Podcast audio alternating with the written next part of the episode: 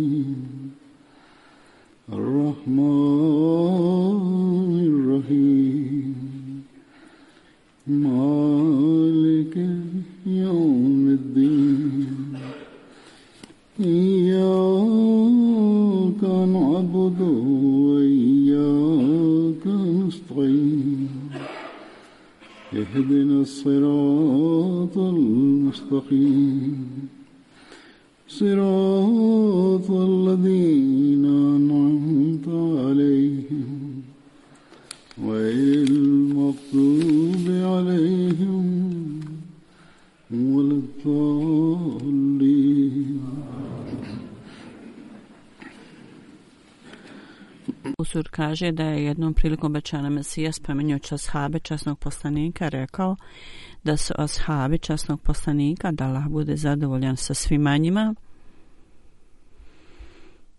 oni su bili živi dokaz plemenitog karaktera časnog poslanika sallallahu alejhi ve sellem iako neko koristi ovaj dokaz onda ako neko izgubi ovaj, ovaj primjer, onda on izgubi svoje sližnje častnog poslanika. Samo ona osoba može imati stvarnu, stvarni vrijednosti častnog poslanika koji vredno i cijeni častnog poslanika.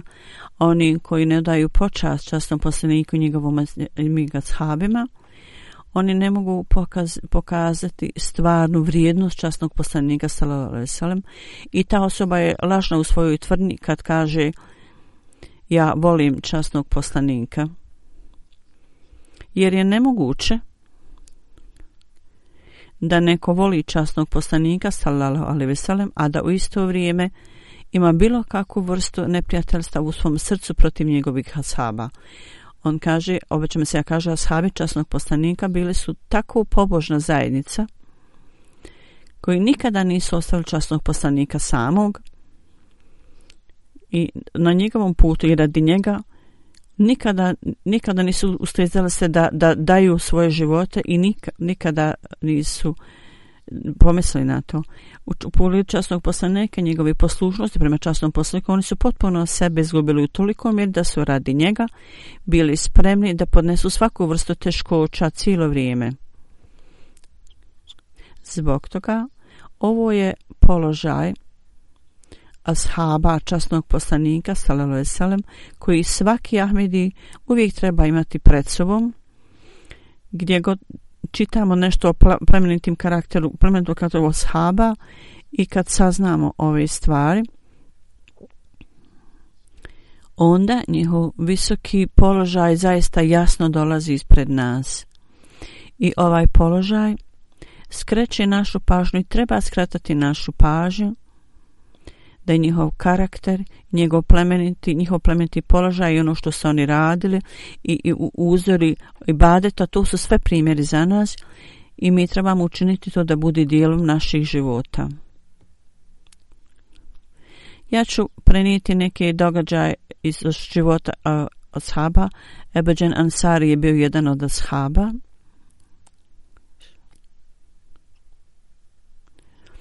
Pri preseljenju časnog poslanika u Medinu, on je primio islam, on je bio u Medini. On je također imao čast da časni poslanik Salvesalem skupa s njim učestvuj, da učestvuje s tim poslanikom u bitci na Bedru i pokazao je veliku srčanost i hrabrost. Također u bitci na Uhudu je učestvovao, imao je čast da učestvuje. I nakon što je promijenuta talas kad su ljudi bili, muslimani bili u prominutom napadu i u promijenutom situaciji kad su prijatelji ponovo napali i, i o, jednostavno je o, vjetar se okrenuo protiv muslimana i nije sahabi koji su bili vrlo blizu časnom poslaniku. U takvo teško vrijeme Ebu Džana je bio među tima sahabima i časni poslanik sallam u njegovu odbranu odbranu časnog poslanika on je pokazao hra, veliku hrabrost je bio povređen i uprkos tom događaju on nije odustao. Ovaj slučaj, ovaj događaj je prenesen u hadisima da kad je časni poslanik sallallahu alejhi ve sellem podžigao svoju sablju u jednom prilikom je rekao ko je taj ko će kako treba i odati potpuno počast ovoj sablji, onda je Džena Ansari, on je istupio naprijed i rekao, ja danas obećavam da ću ja kako treba u potpunosti odati počast ovoj sablji. Časni poslanik, gledajući na njegovu ljubav i strast, on je predao njemu svoju sablju. I onda je po drugi put pitao o Boži poslaniće, kako ja mogu odati potpunu čast, odnosno kako treba koristiti ovu sablju. Časti poslanik je rekao, ova sablja ne smije proliti krv nijednog muslimana, niti da, o, da nijedan nemusliman bude u stanju da pobjegne od ove sablje. Onaj ko nema nikakvog neprijateljstva, ne treba ova sablja da ih povredi, samo oni ljudi koji se bore protiv nas. On je uzeo onda sablju i sa velikim ponosom je izišao na bojno polje i kaže, kad je Hazret Abu Džana iš, hodao sa velikim ponosom, časni poslanik je rekao, Allah Đelšanhu ne voli ovakav način hoda, međutim, ovaj način hoda s ponosom, koji Abu Džana danas pokazuje, Allah Đelšanhu cijeni, cijeni to zato zbog te posebne situacije.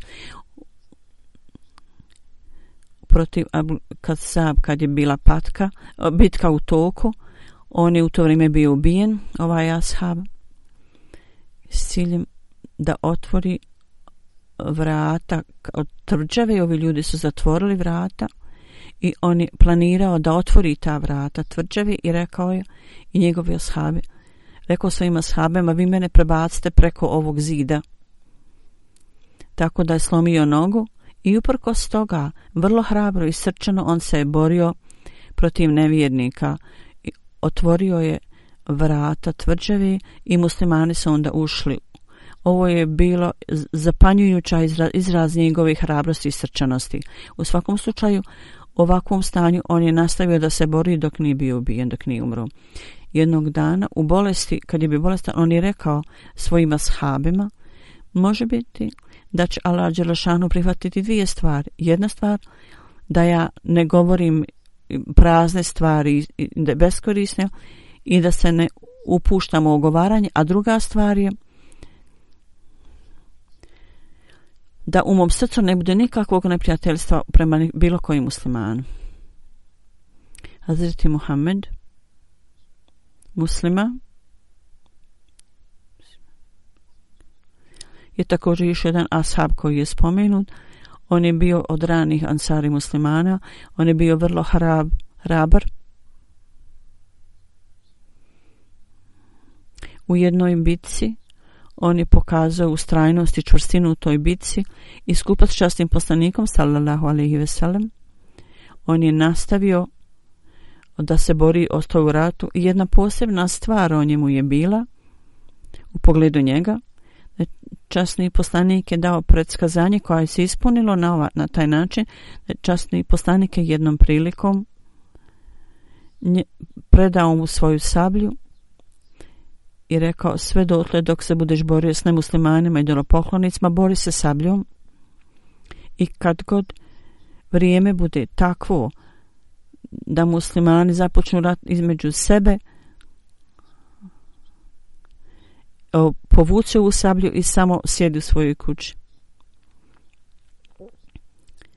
Dok vrijeme ne dođe da te neko, da te, dok, dok, dok te neko ne dođe da te napadne. I on se ovog savjeta strogo držao. Ovo je bilo posle ubijstva Hazreti Osmana. On je ovo slijedio, ali je zapravo doslovno slomio sablju i naučio sablju od drveta, napravi sablju od drveta Nekoga je pitao kakva je korist od toga. On je rekao, od te takve sablje. On je rekao, mudrost u tome je da možda ljudi osjećaju strah od sablje, da misle da je to prava, a, a, a na taj način ja mogu da udovoljim naredbi e, onom što mi ja, časni poslanik e, rekao i ova sablja neće biti korišćena u kakvu drugu svrhu, nego samo da se ljudi malo prepadnu. Jer, jer sablja od, od drveta neće nikog povrijediti. Od sahabi su govorili ako nekada, neko nikada nije, nije bio po, povri, ako neko nije duboko bio domljen ubijstvom Hazret Osmana, jedan od njih je bio ovaj Oza Eshab. S ciljem da se drži dalje od ovih kušnji, on je boravio na otvorenim, udaljenim, usamljenim mjestima i on je rekao ja namjeram da ovako u pustinji potrošim cijeli svoj život, ostatak svog života. Ovo su bili ljudi kad su se borili, oni su se borili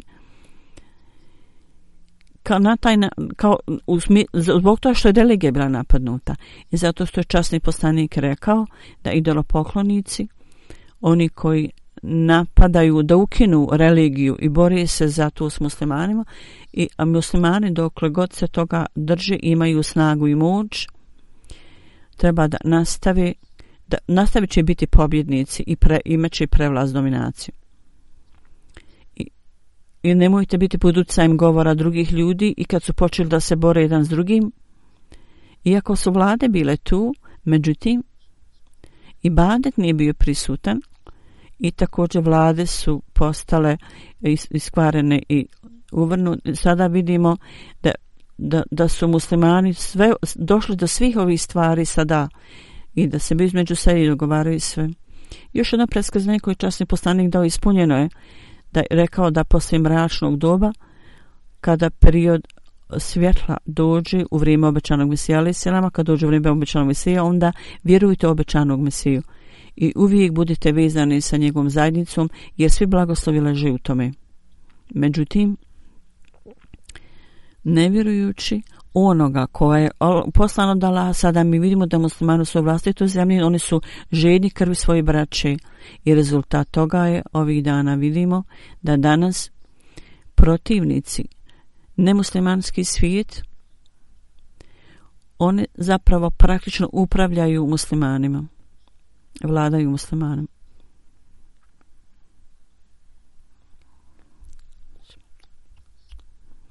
I o ovom ashabu.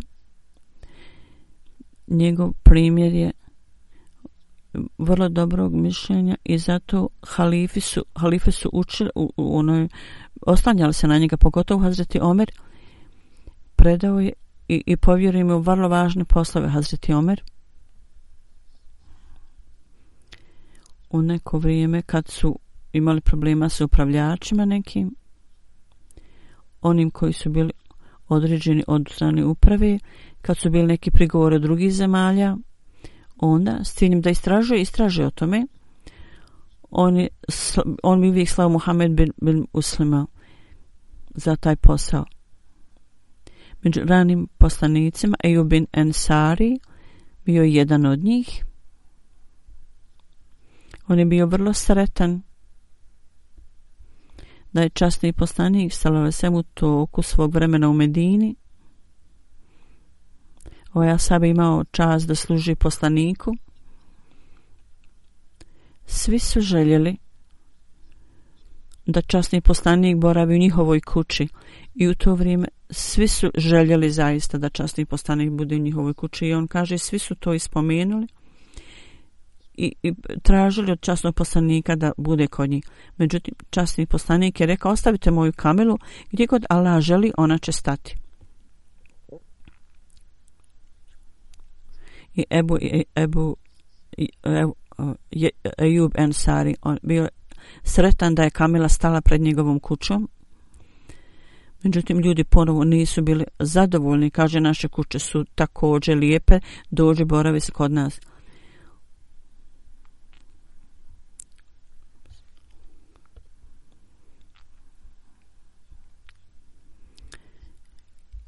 I onda su oni o, rekli da vidimo i tako, da vidimo gdje, e, gdje će boraviti. Oni časni poslanik je boravio u kući e, Ejub sajba i ovdje imali su dva sprata i Ejub sajb je također boravio u toj kući i on je prvi sprat cijeli dao časnom poslaniku. Jedne noći na prvom spratu ba prosuli su, prosuli su oni neku kantu s vodom i tako da je jer nije bilo vode napolno su unijeli vode tu kantu u sobu u kuću i onda su to uh, razbili vjerovatno je to bio čup oni su prosuli. U Indiji i Pakistanu vrlo običajno da čuva se voda u ovim posudama kao zemljani posude i tako da je, su ovi ensari cijelu noć nastojali da posuši to da drži suhim i narednog dana su prenijeli ovaj slučaj događaj časom poslaniku i i pita i pitali su, časom sam tražili njega da dođe na gurni isprat. Časni poslanik je prihvatio nije prihvatio njihov zatim. 6-7 mjeseci boravio ipak do, kod Hadetebu i e- Ejuba jer on, on je zaista bio gostoprimljiv i pazio časnog poslanika. I kakve god bi stvari bile ostavljene šta god je ostavio časni poslanik za što je ostalo hrane i sve on je živio na tome i on je to jeo gdje god bi našao tragove prsta časnog poslanika i hranu koju bi on iza za sebe, on i sve to sa, sa željom jeo, smatrao da je to puno blagoslova. I kaže, nema tragova prsta poslanikovih na hrani. Onda od socu časnom poslanicu i rekli, jel, jel časni poslanik nije danas ništa jeo? Poslanik je rekao, upravo sam htio da jedem. Ova hrana, ovaj svježi, svježi luk i, i bijeli luk su bili tamo. I da to, to se meni nije dopalo. Onda je on odlučio da sve što poslanik ne voli, ja neću u budućnosti jesti. Ovo je bio izraz ljubavi i predanosti ovo, ovog Ejub Ensari, ashaba časnog poslanika. On je učestvovao u svim odbrembenim bitkama, u bitci na Haberu, i veliki vođa koji je bio ubijen. Njegova kćerka Safija je bila udata za časnog poslanika i ujutro kad je časni poslanik došao da predvodi namaz vidio da je Ejub Ensari stoji na polju kao čuvar za ču, da čuva a časni poslanik ga je pitao zašto ti ovdje stojiš kao, kao straža? On je rekao rodbina Hazret Safije podnijeli su gubitak od naših ruku, neki od njih su ubijeni, tako da sam ja mislio da možda će neko doći ovdje i stvarati nered i ja sam zato došao ovdje i stojim kao čuvar, kao straža. Na to je častni poslanik molio za njega, činio dove za njega i rekao, o moj Allahu, uvijek čuvaj Hazret Ejuba pod svojom zaštitom i brigom, jer on čitavu noć staje ovdje da čuva moju bezbjednost. Hazret Ebu Ejub učestvovaj u bitci, u, u mnogim bitcama, ubrzo činjenici što je bio star, prilično star, i samo je učestvovao zbog svrhe da časni poslanik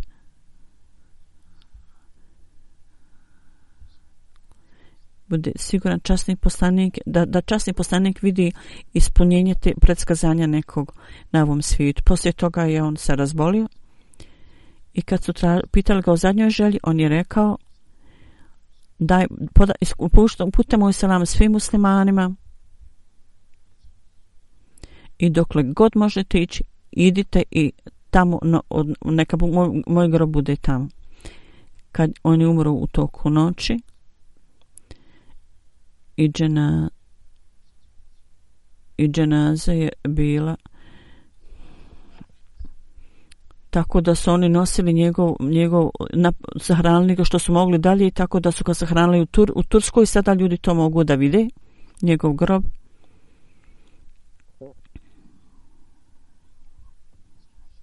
Neki ljudi su međutim napravili neke tradicije koje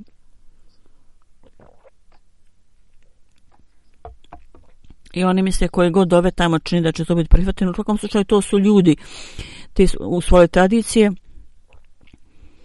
Časni postanik, dova koju je časni postanik dao za njegov grob i njegovu sigurnost, ispunilo se na jako mnogo načina i uprkos veliki godina on je svuda bio pro, pro, pobjednik i bio je blagoslovljen dugim životom. Onda vidimo i još jedan asab častnog poslanika Abdullah bin Evaha on je bio popularni poet Arapa i bio poznat kao Arab poslanikov tako su mu dali titulu. Na kraju bitke na Bedru vijest o pobjedi. On je bio taj koji tu vijest donio u Medinu. Abdullah bin Ravaha njegova ljubav prema častnom poslaniku, njegova predanost. Jako je mnogo primjera toga.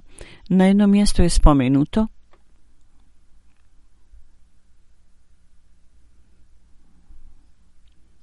Urva prenosi da je Suma bin Zaid nam rekao, kaže da je častni poslanik jahao na magarcu i ispod je bio čaršaf, ali. I on je tražio od same da sjedne od zada na, na pozadinu i pitao sa, o, about sa, si, sad Ebada koji je bio iz nekog plemena. Ne. Ovaj događaj se dogodio prije slučaja na Bedru i časni poslanik je prolazio pored nekih ljudi Neki su bili muslimani, neki jevreji, neki dolopoklonici, oni su skupa sjedili i Abdullah je bio među njima. Abdullah bin Ravaha je također tamo sjedio. Kad je časni poslanik došao blizu ovog skupa, ove skupine ljudi,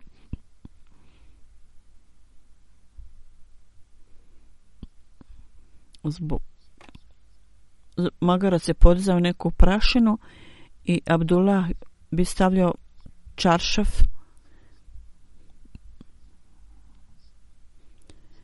I časni poslanik im je nazvao selam. I sjahao sa magarca i pozvao ove ljude Allahu i prenio im poruku. Abdullah sahib je rekao častnom poslaniku o ti čoviče ovo nije dobro. Šta god ti kažeš ispravno istina Čak i onda, međutim, nemoj uznamiravati osobe koji su na skupu. Šta, šta god ti dođe, ti im onda uputi u poruku. Sabtullah bin Abdullah je tamo sjedio i on je rekao poslaniku, o Boži, poslaniće, molim te ti dođi na naše skupove, mi, nama se to dopada, nas nije briga. Šta ovi kažu? Znači, neki su se protivili, a onda je on ovo rekao časnom poslaniku. Ovo je bio njegov spontani izraz ljubavi koju imao prema časnom poslaniku. Koju je Abdullah bin Revaha izrazio. I njega nije briga uopšte o uopšte ovim svjetomnim vođama. Hazret Ibn Abbas prenosi da je časni poslanik sallallahu alaihi veselem u jednoj ekspediciji postao neke ashabe i Abdullah bin Ravaha je također bio tamo. Bio je petak i ljudi su krenuli rano ujutro. Međutim, Abdullah bin Ravaha je rekao, ja ću ostati iza i ja ću klanjati nama sa častnim poslanikom i, i onda ću ja otići pridružiti svojim ljudima. Častni poslanik kad je vidio, kad ga je vidio tamo, da je on prisutan u džami na džumi namazu, časni poslanik ga je pitao šta te zaustavilo da se ne predružiš svojim prijateljima u ekspediciji? On je rekao, o Boži poslaniće, moja, to je moja velika želja, da ja budem prisutan uz časnog poslanika na hudbi petkom i slušam hudbu, a kasnije ja ću ići i pridružiti s ovim ljudima. Časni poslanik, sallallahu veselem, je rekao da sve imaš na svijetu i da sve to potrošiš, onda ovi ljudi jer poslušnost je pot, neophodna. Ovi ljudi koji su ranije krenuli, oni će dobiti svu nagradu. I, i, i ti nikad nećeš biti stan da dobiješ tu nagradu i, i naknadu. I od tada, kad god je trebao da krene na neku ekspediciju putovanja, on se pridružio svim ostalim a, a, drugovima i, i onda a, bez obzira u koje je to doba bilo, nikad više nije ostao iza njih. U jednom, prema jednom hadisu, častni poslanik, sallallahu alaihi veselem, um, na bici Umuta, Zijad bin Harsa je bio vođa i on je rekao, ako on umre, onda Džafir bin Talib će biti vođa i ako on također bude ubijen, onda će Abdullah bin Revaha će dobiti rukovodstvo. Ako i on umre, onda muslimani mogu izabrati bilo kojeg vođu. Tako kad ovaj grupa otišla, kad je došlo vrijeme, Abdullah bin Revaha počeo je plakati i pitala su ga zašto plačeš? On je rekao, ja nemam ljubavi prema svijetom. Ja nemam nikakve želje da, da, budem, da odem za svijetom.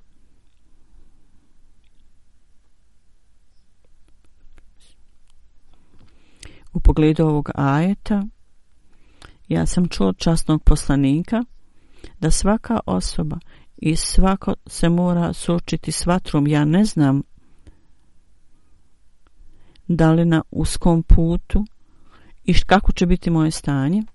Međutim, u pogled ovih ljudi koji imaju strah od Allah Đelešanhu, častni poslanik, sallallahu veselem, dobar kraj koji on spomenuo za njih, također je spomenuto i preneseno. Častni poslanik, sallallahu alaihi veselem je rekao u pogledu bitke na muta ljudima, kaže, ja sam vidio ove ljude da sjede na, u dženetu na zlatnim prestolima. Dakle, ove ljudi su ostvarili svoj cilj i imaju želju da budu šehidi, da budu ubijeni i vrlo je jasno iz ovog ajeta prevod glasi moja moje strele i moje, moj luk trebaju da budu strele koji idu kroz moj uši i moju jetru i da Allah prihvati moje ubistvo da budem šehad, šehid i da ljudi dolaze na moj grob i da, i da mole Allahu o Allahu ima milosti prema njemu. Kakav je to veličanstveno onda položaj, položaj šehida. U bitci na muta, kad je bio ubijen, ovaj ashab, detilji o tome su nešto ovako glasi. On je tamo napisao, on je saznao da protivnici nemuslimani da su tražili pomoć iz Persije i da je oko 200.000 ljudi i da imaju pomoć ovih protivnika. I onda su se muslimane između tebe konsultovali da pošalju poruku časnom poslaniku da je broj muslimana mnogo manji i da mu mnogo trebaju pomoć, da im bude treba, treba poslana pomoć. A kako god naredba dođe, on kaže, on će biti spreman. Onda Abdullah bin Revaha on je pisao muslima, o muslimanima i njegova poezija je bila jako korisna u to vrijeme. 200.000 ljudi je bilo tamo, oni su stajali protiv 2.000 muslimana. Međutim, želja njihova da postanu šehidi je spomenuta i o, Abdullah bin Revaha je kaže traže mene da jašim na, na, na jahalici iza njega i bin Akram njemu je rečeno on je uzet kao siroče i hranio ga neko. I jedne noći Abdullah bin Revaha ja sam ga čuo da je učio ovaj ajet. I uz pomoć svoje familije on je rekao ja se sada neću vratiti kući. Ja sam čuo ovaj ajet. I kad je vidio svoju ženu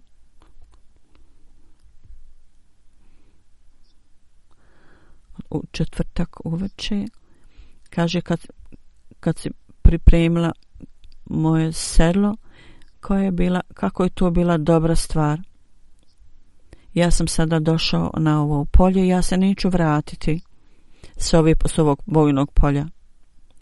On je tako oprostio se od svoje žene članova, pa, članova, pa, članova familije. Kad su ljudi ovo slušali, tu poeziju koju on ovako ka, ispričao, plakali su ljudi. On kaže, ako mene Allah dadne ubistvo i postanem šahid, šta može biti bolje od toga?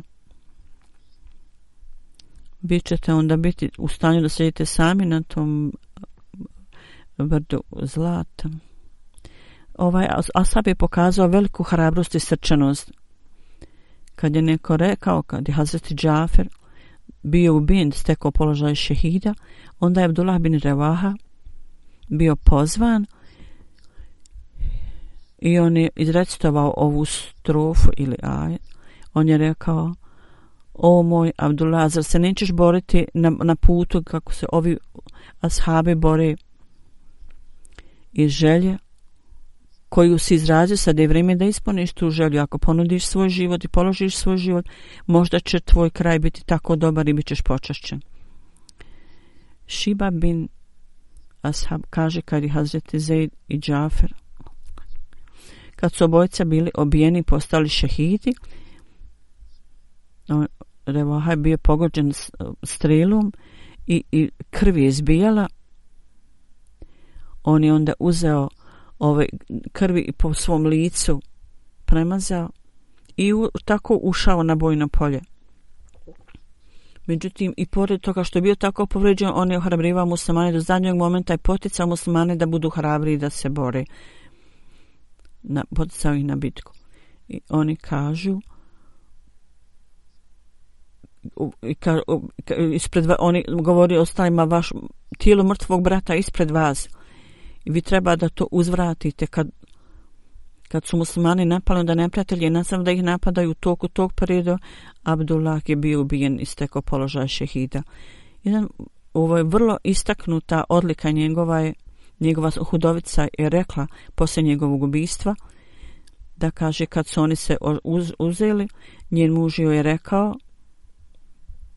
u pogledu plemenitog karaktera Hazreti Abdullah da, da re, reći vam nešto što, ono što je bilo prelijepo. Ona je rekla Abdullah bin Revaha nikada nije otišao od kuće dok ne bi klanjao dva rekata na vafl i kako bi ušao u kuću prva stvar je da je nakon što bi klanjao namaz klanjao na vafal namaz dodatni namaz ovi ljudi su uvijek u svako vrijeme spomenjali Allaha Đelešanuhu i visoki standard njihove pokornosti je također spomenuto u jednom hadizu. Hazret Abu Dulela kaže Znači, jedan put je časni poslanik, sallallahu alaihi ve sellem, održavao hudbu. U toliko tog vremena on je rekao, molim vas, sjedite. Hazret Abdullah bin Revaha je dolazi u džamiju i bio je u blizini i sjeo je na, na mjestu gdje se našao. Časni postanik obraćajući mu se, rekao je, Allah Đelešanu, da te Allah Đelešanu blagoslovi obskrbom. O Abdullah,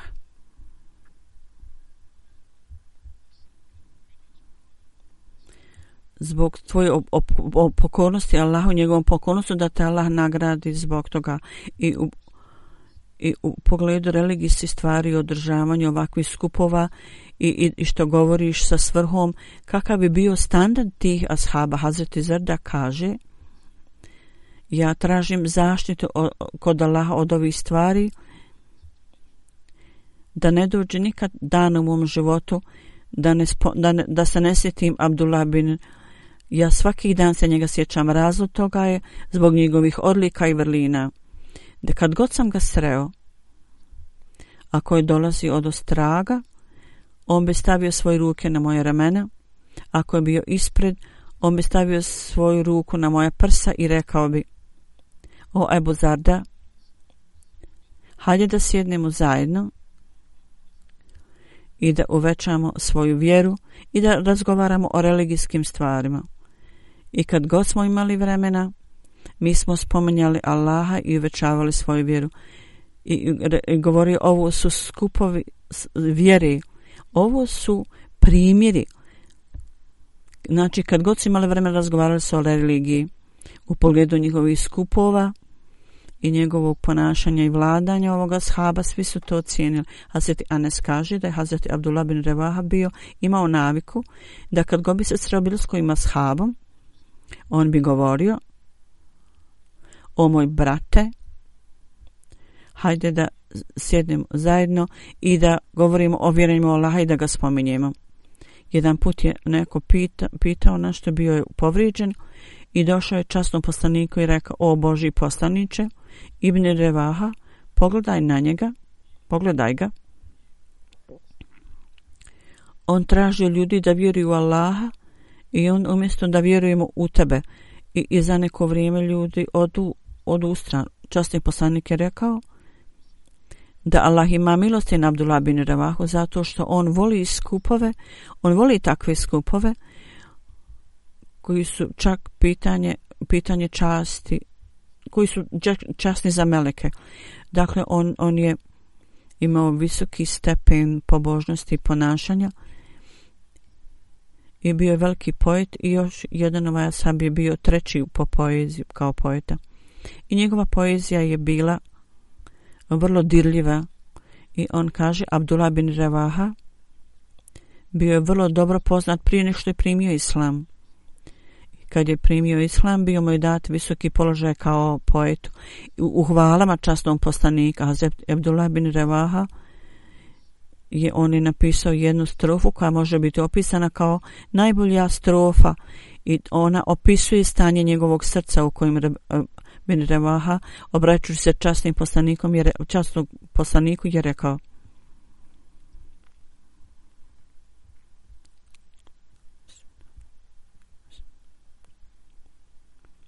Značenje ove strofe je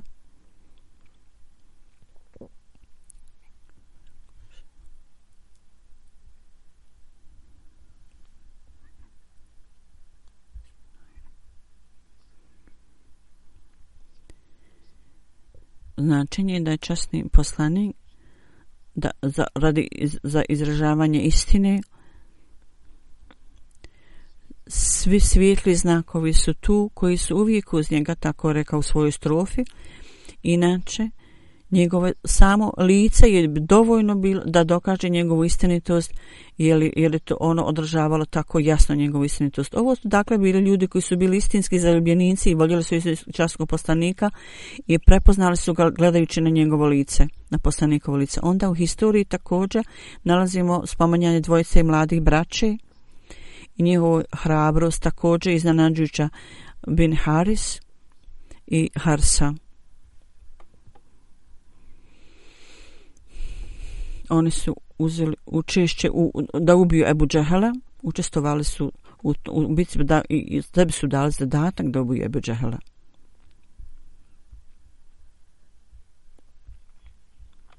Na polju u Bedru, na Bedru, kad je bitka bila u toku, vrlo oštro, i muslimani, protivnici, kad je bilo tri puta više nego, nego vjernika, oni su također imali oružje, i oni su došli s namirom da će potpuno zbrisati ime Islama. Muslimana je bilo mnogo manje po broju, Hazret Mirza Bešir Ahmed Sahib Siret Hasimu Nebim u svojoj knjizi, on spominje u detalju ovaj događaj.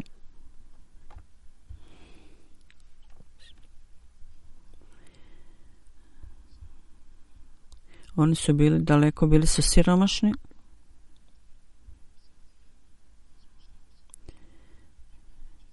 I ovi muslimani, oni su mislili da će te muslimane pobijeti vrlo kratko, međutim, ljubav časnog poslanika i njegovo poslanstvo, ovi se stvari su učini njih da budu tako odlučni, muslimane, da, da budu tako odlučni zbog te ljubavi i predanosti, kao da i ništa nije izgledalo moćnije od njih.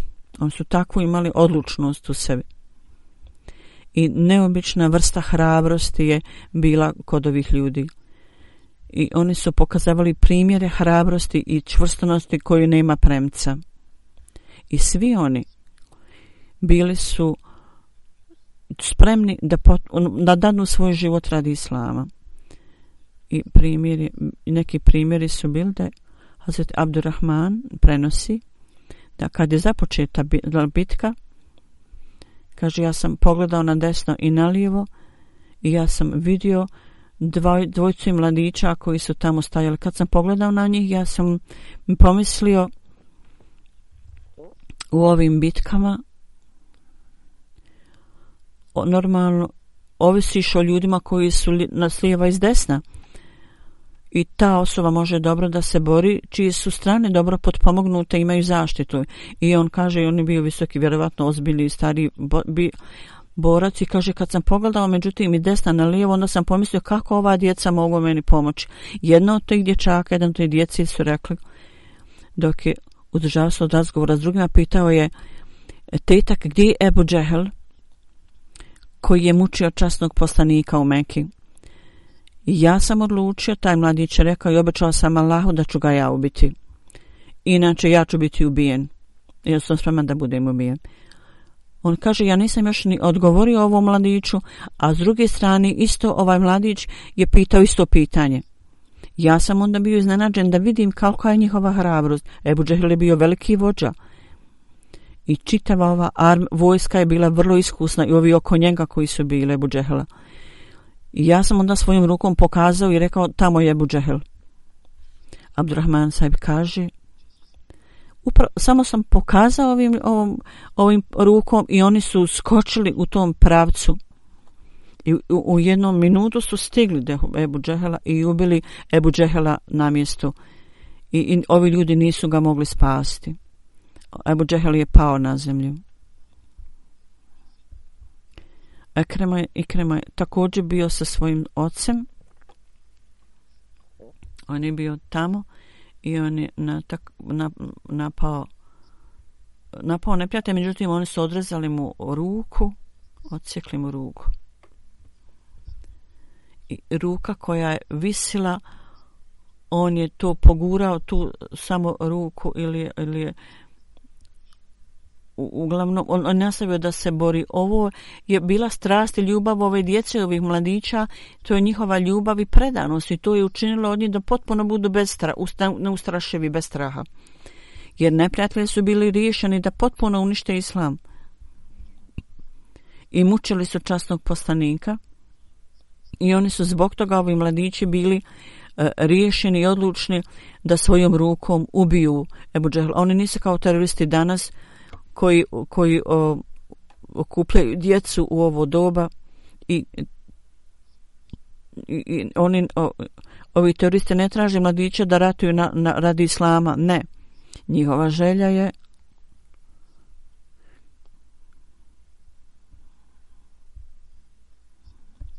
Ovi mladići su bili, bili odlučni da žrtvuju sve radi mira i radi islama koji su borili se za sačnim poslanikom. Sada u državama i u vladama ova omladina oni su radikalizirani. Nedavno je bila vijest da dje, dječak 14 godina u Siriji izišao i re, pitao ako neko može da me uhvati i, i on, da, kaže oni su mene uhvatili i ob, dali mi obu, obu, obuku i prisiljavali su me na to i onda sam bio primoran da se borim kasnije sam pobjegao onda od njih i spasio se ovo su stvari koje oni rad islam ne poučava da, da, da se da se bori protiv nevinih ljudi i da prospamo krv nevinih ljudi. Ovi ljudi imaju život, da daju svoj život, koji su borili se s tačnim poslanikom, oni su imali želju da daju svoj život radi islama. Danasni ekstremisti, ogromna je razlika između tih ljudi koji su se borili s časnim poslanikom. Obećani mi se, ali salam kaže, ovaj primjer, ovaj primjer ashaba, ja želim da vidim kod svojih ashaba, čem se ja kaže, oni treba da daju prednost Allahu i ništa ne smije da ih zaustavi i stane na njihovom putu. Oni treba da daju, budu spremni da daju svoje živote i metak. Neki ljudi meni pišu pisma, ako je obično neki gubitak u poslu, da on, o, oni odma počnu da sumnjaju da li su, na, su napravili grešku prihvatanjem obećanog Mesije i imaju sumnju o Allahu Đelešanu, u obećanom Mesiju i sve te stvari. On kaže, u tom stanju svako može da razumije da su oni daleko od stvarnog cilja. Zamislite se nad tim. Kakva je razlika između ovih ljudi i ashaba? Ashabi su željeli da zadovolje Allaha Đelešanu šta god su trebali da podnesu na tom putu. Bilo kakva teškoća, bilo kakve kuše. Oni su plakali u to vrijeme ashabi. Oni su bili sigurni da su ovi kušnje na Allahovom putu i oni su razumjeli da iza ovih kušnji je Allahovo zadovoljstvo. U perzijskoj strofi ona je spomenu, koja je spomenuta ovdje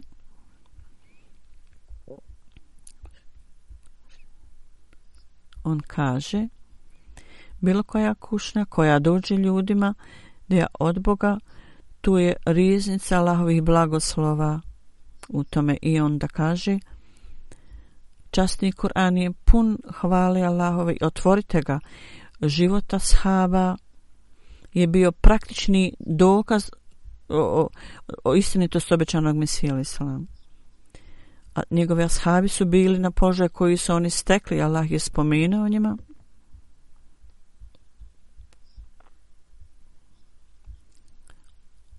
Oni koji su postali šehidi, oni su ostvarili svoj cilj, a drugi čekaju na to da postanu šehidi i oni želi da postanu šehidi i da budu ubijeni na Božijem putu oni ne žele da budu sami i da uživaju u mogućnostima životnim. Kad ja vidim, on je rekao, stanje ovih ashaba, onda duhovna mučasnog poslanika i njegovo veliko dobrotvorstvo, moramo to priznati da je on ima ogromnu tu moć. Da je časni poslanik i potpuno preobrazio i promijenio njegovo stanje, da Allah dane hiljade blagoslova na časnog poslanika, Allahumma salala Muhammedin velali Muhammed. Naša dužnost i naša odgovornost je da uvijek tražimo Allahovo zadovoljstvo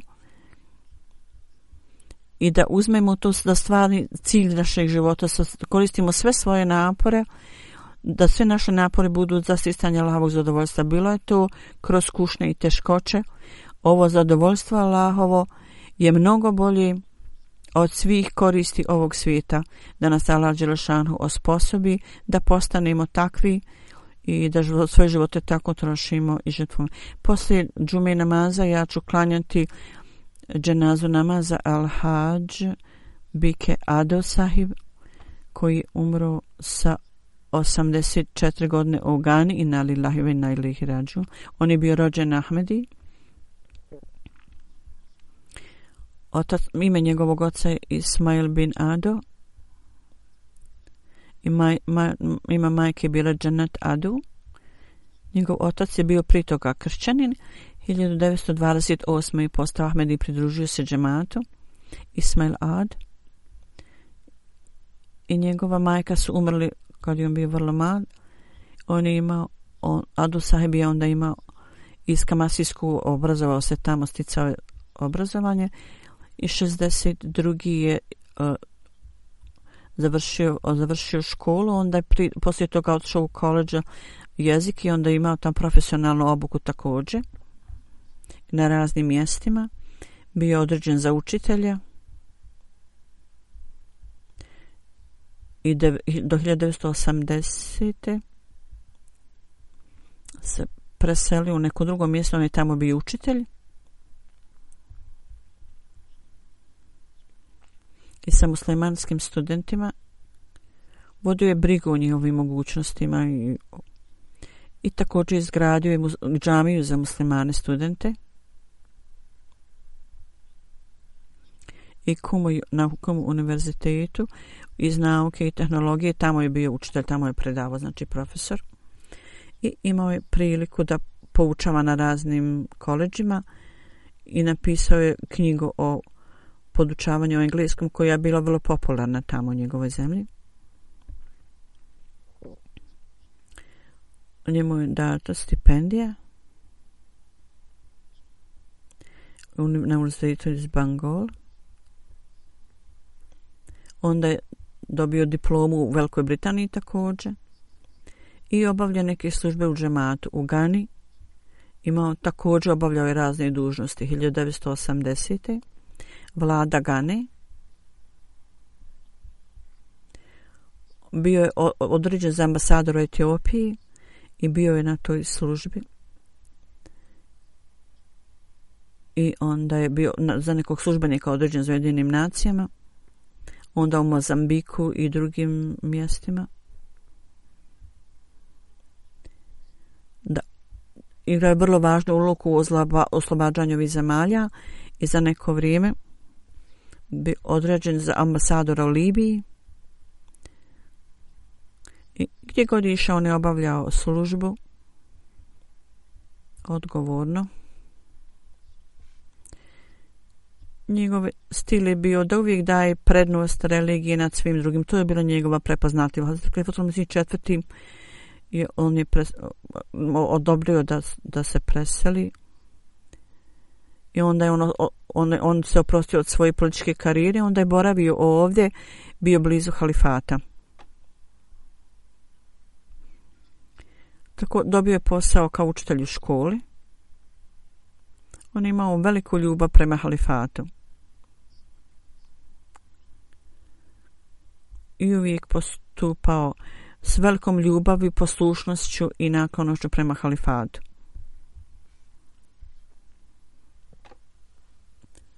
Bio oformljen komisija da napiše neku knjigu, bio je bio je član te komisije, bio je vrlo naklonjen pronošenju poruke i na razne načine je prenosio poruku preko radija i kroz razne programe pitanje, pitanje odgovora i učestvao u tim programima.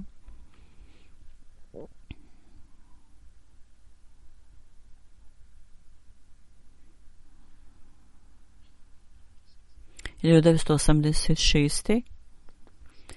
Kalifatul Mesih četvrti počeo asocijaciju za Afrikance. On je bio prvi predsjednik u džemata Pekam 84.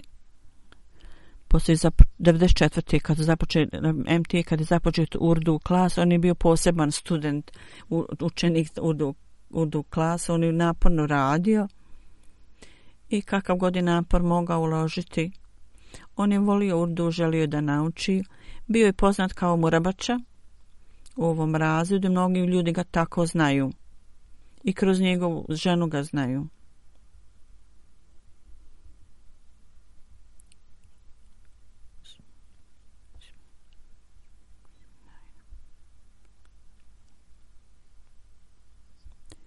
U vrijeme smrti četvrtog halife, on je bio um, član koleža u to vrijeme, kad je započeta džamija škola, škola džemata u Velikoj Britaniji, oni poučavaju engleski neko vrijeme. On je bio vrlo bogobojazna osoba i puni badita, vrlo ljubazan i vrlo uh, vesela, raspoložena osoba. I također je bio uh, predan i baditu. Član njegove porodice kaže da je on redovno obavljao tahadžud namaz, čak i kad je bio bolestan, nikad to nije propustio. Učio je časni Kur'an na melodičan način i ima, znao je na pamet mnoge ajete časnog Kur'ana i sura i također značenje i komentar tako da, da može da koristi to znanje u prenošenju poruke. Neki ljudi iz Gane U njegovim kućama su kopije prevoda časnog Korana koje je on napisao. Bio u stanju da obavi hač sa svoje dvije žene. Bio je vrlo radosna osoba i jednostavna. Da Lađelšanu uzvisi njegov položaj ima milosti prema njemu. On ima deset dječaka i djevojčica, da im Allah svima dadne da, da, ih, da, budu, da budu na ispravom putu i da budu vezani za halifat. Poslije džume namaza ja ću klanjati dženazu namaz za umrlog četi, ali nije prisutno.